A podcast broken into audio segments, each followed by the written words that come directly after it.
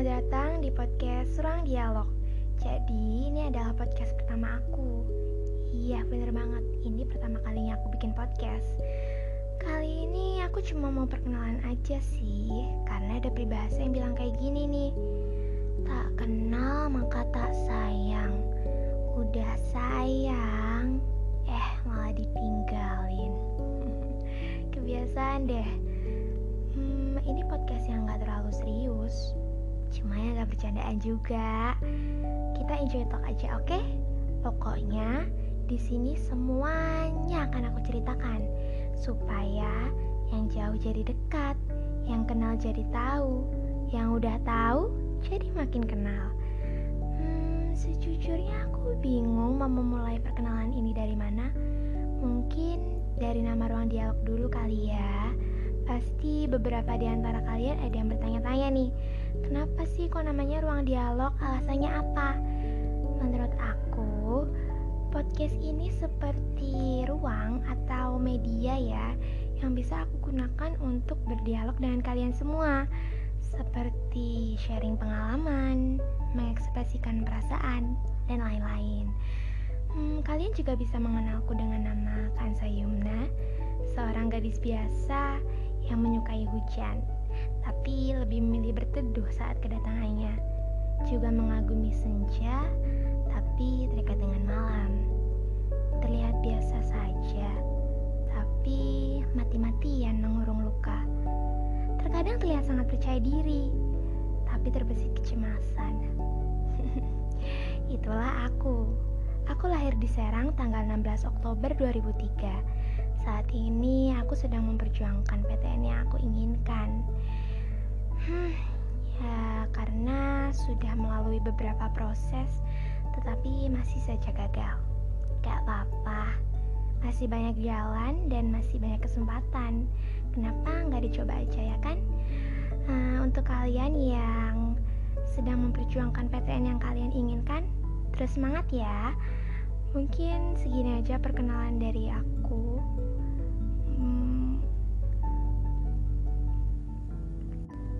Mungkin karena ini pertama kali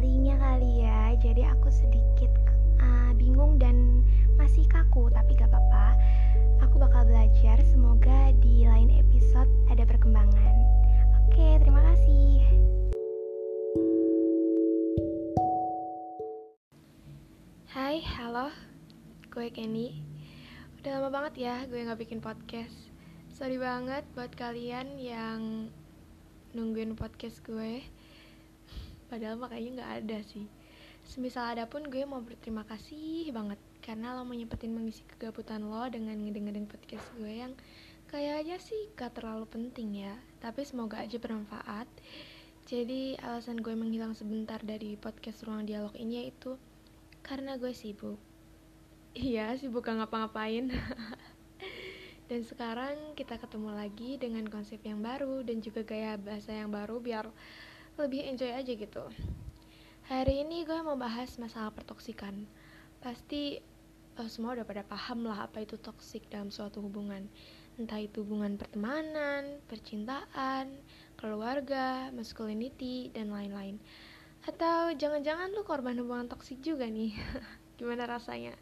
Mental masih aman gak nih?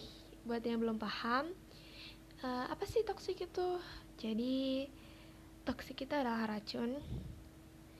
Dan sedangkan orang-orang toksik itu adalah orang-orang yang sangat amat merugikan lo baik secara fisik maupun emosional. Oke untuk contoh gue punya beberapa pengalaman toksik dan salah satunya di dalam love relationship. Jadi suatu ketika gue pernah berada di suatu hubungan di mana gue ngerasa hancur banget di dalam hubungan ini. Sampai gue nggak bisa lupa rasa sakitnya. Bukan nggak bisa lupa orang ya tapi perasaan sakit itu benar-benar ngebekas dan gue nggak mau itu terjadi lagi.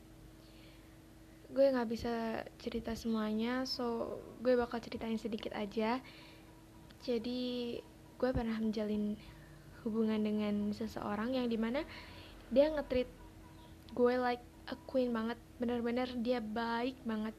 Di awal kenal sampai gue yakin kalau dia memang sebaik itu. Dan ya gue udah berekspektasi kalau hubungan ini bakalan lama. Tapi ternyata setelah tiga bulan dia mulai banyak nuntut dan awal-awal gue masih berpikir hmm, it's okay lah ya sekali dua kali dan seterusnya kok makin kayak gini ya. Dia selalu nuntut fisik dan penampilan gue. Sampai gue harus berusaha jadi orang lain. Bener-bener selama menjalin hubungan itu gue ngerasa ini bukan gue. Gue nggak bisa ngenalan diri gue yang saat itu. Lalu semakin ke sini dia mulai berani bentak dan ngomong dengan kata-kata yang lumayan nyelekit lah buat gue. Dari situ gue mulai ngerasa capek gak kuat tapi gue masih tetap bertahan dengan harapan dia bakal berubah. Karena sejujurnya di satu sisi juga gue masih belum ikhlas kalau hubungan ini selesai. Tapi ternyata itu cuma harapan gue aja. Semakin lama dia semakin menjadi saat itu juga gue benar-benar berdebat sama pikiran gue. Gue harus gimana ya? Gue harus gimana? Akhirnya gue memutuskan untuk mengakhiri ini semua gue ngerasa bebas banget dan lega setelah lepas dari hubungan toksik. Dan dari situ gue mulai berhati-hati gitu lah untuk deket sama cowok. Karena emang pada saat itu gue masih takut banget. Tapi sekarang gue bersyukur akhirnya ketemu sama seseorang yang bisa jadi obat buat gue. He's made of magic. Dia benar-benar nyembuhin gue dari segala luka di masa lalu. Dan saat itu juga gue berpikir kita tuh gak boleh banyak berekspektasi sama seseorang. Mau dia baik banget sama lo lo tetap harus berhati-hati juga. Karena suatu saat ekspektasi itu juga yang bakal nyakitin lo. Karena biasanya kesalahan terbesar semua orang itu ekspektasi rasa yang kita berikan akan dibalas dengan takaran yang sama dengan ekspektasi yang kita ciptakan. Jadi udahlah kalau emang ikhlas mencintai ya udah cukup mencintai aja stop sampai di situ. Untuk kalian yang merasa lagi berada di dalam hubungan toksik come on guys lo nggak akan dapat orang yang tulus yang benar.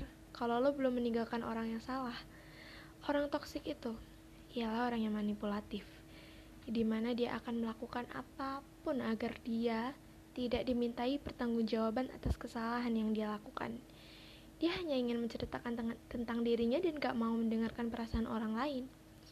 Dan yang paling penting nih, senjata orang manipulatif adalah ketika dia berbuat kesalahan, dia akan playing victim atau memutarbalikkan keadaan sehingga membuat kamu merasa bersalah. So, kalau lo udah bener-bener gak nyaman berada di lingkup itu, mending lo mundur, cari tempat yang bener-bener bisa menghargai lo yang menyadari kalau lo itu sangat berharga gitu. Jangan buang-buang waktu buat orang yang nyakitin lo karena lo berhak bahagia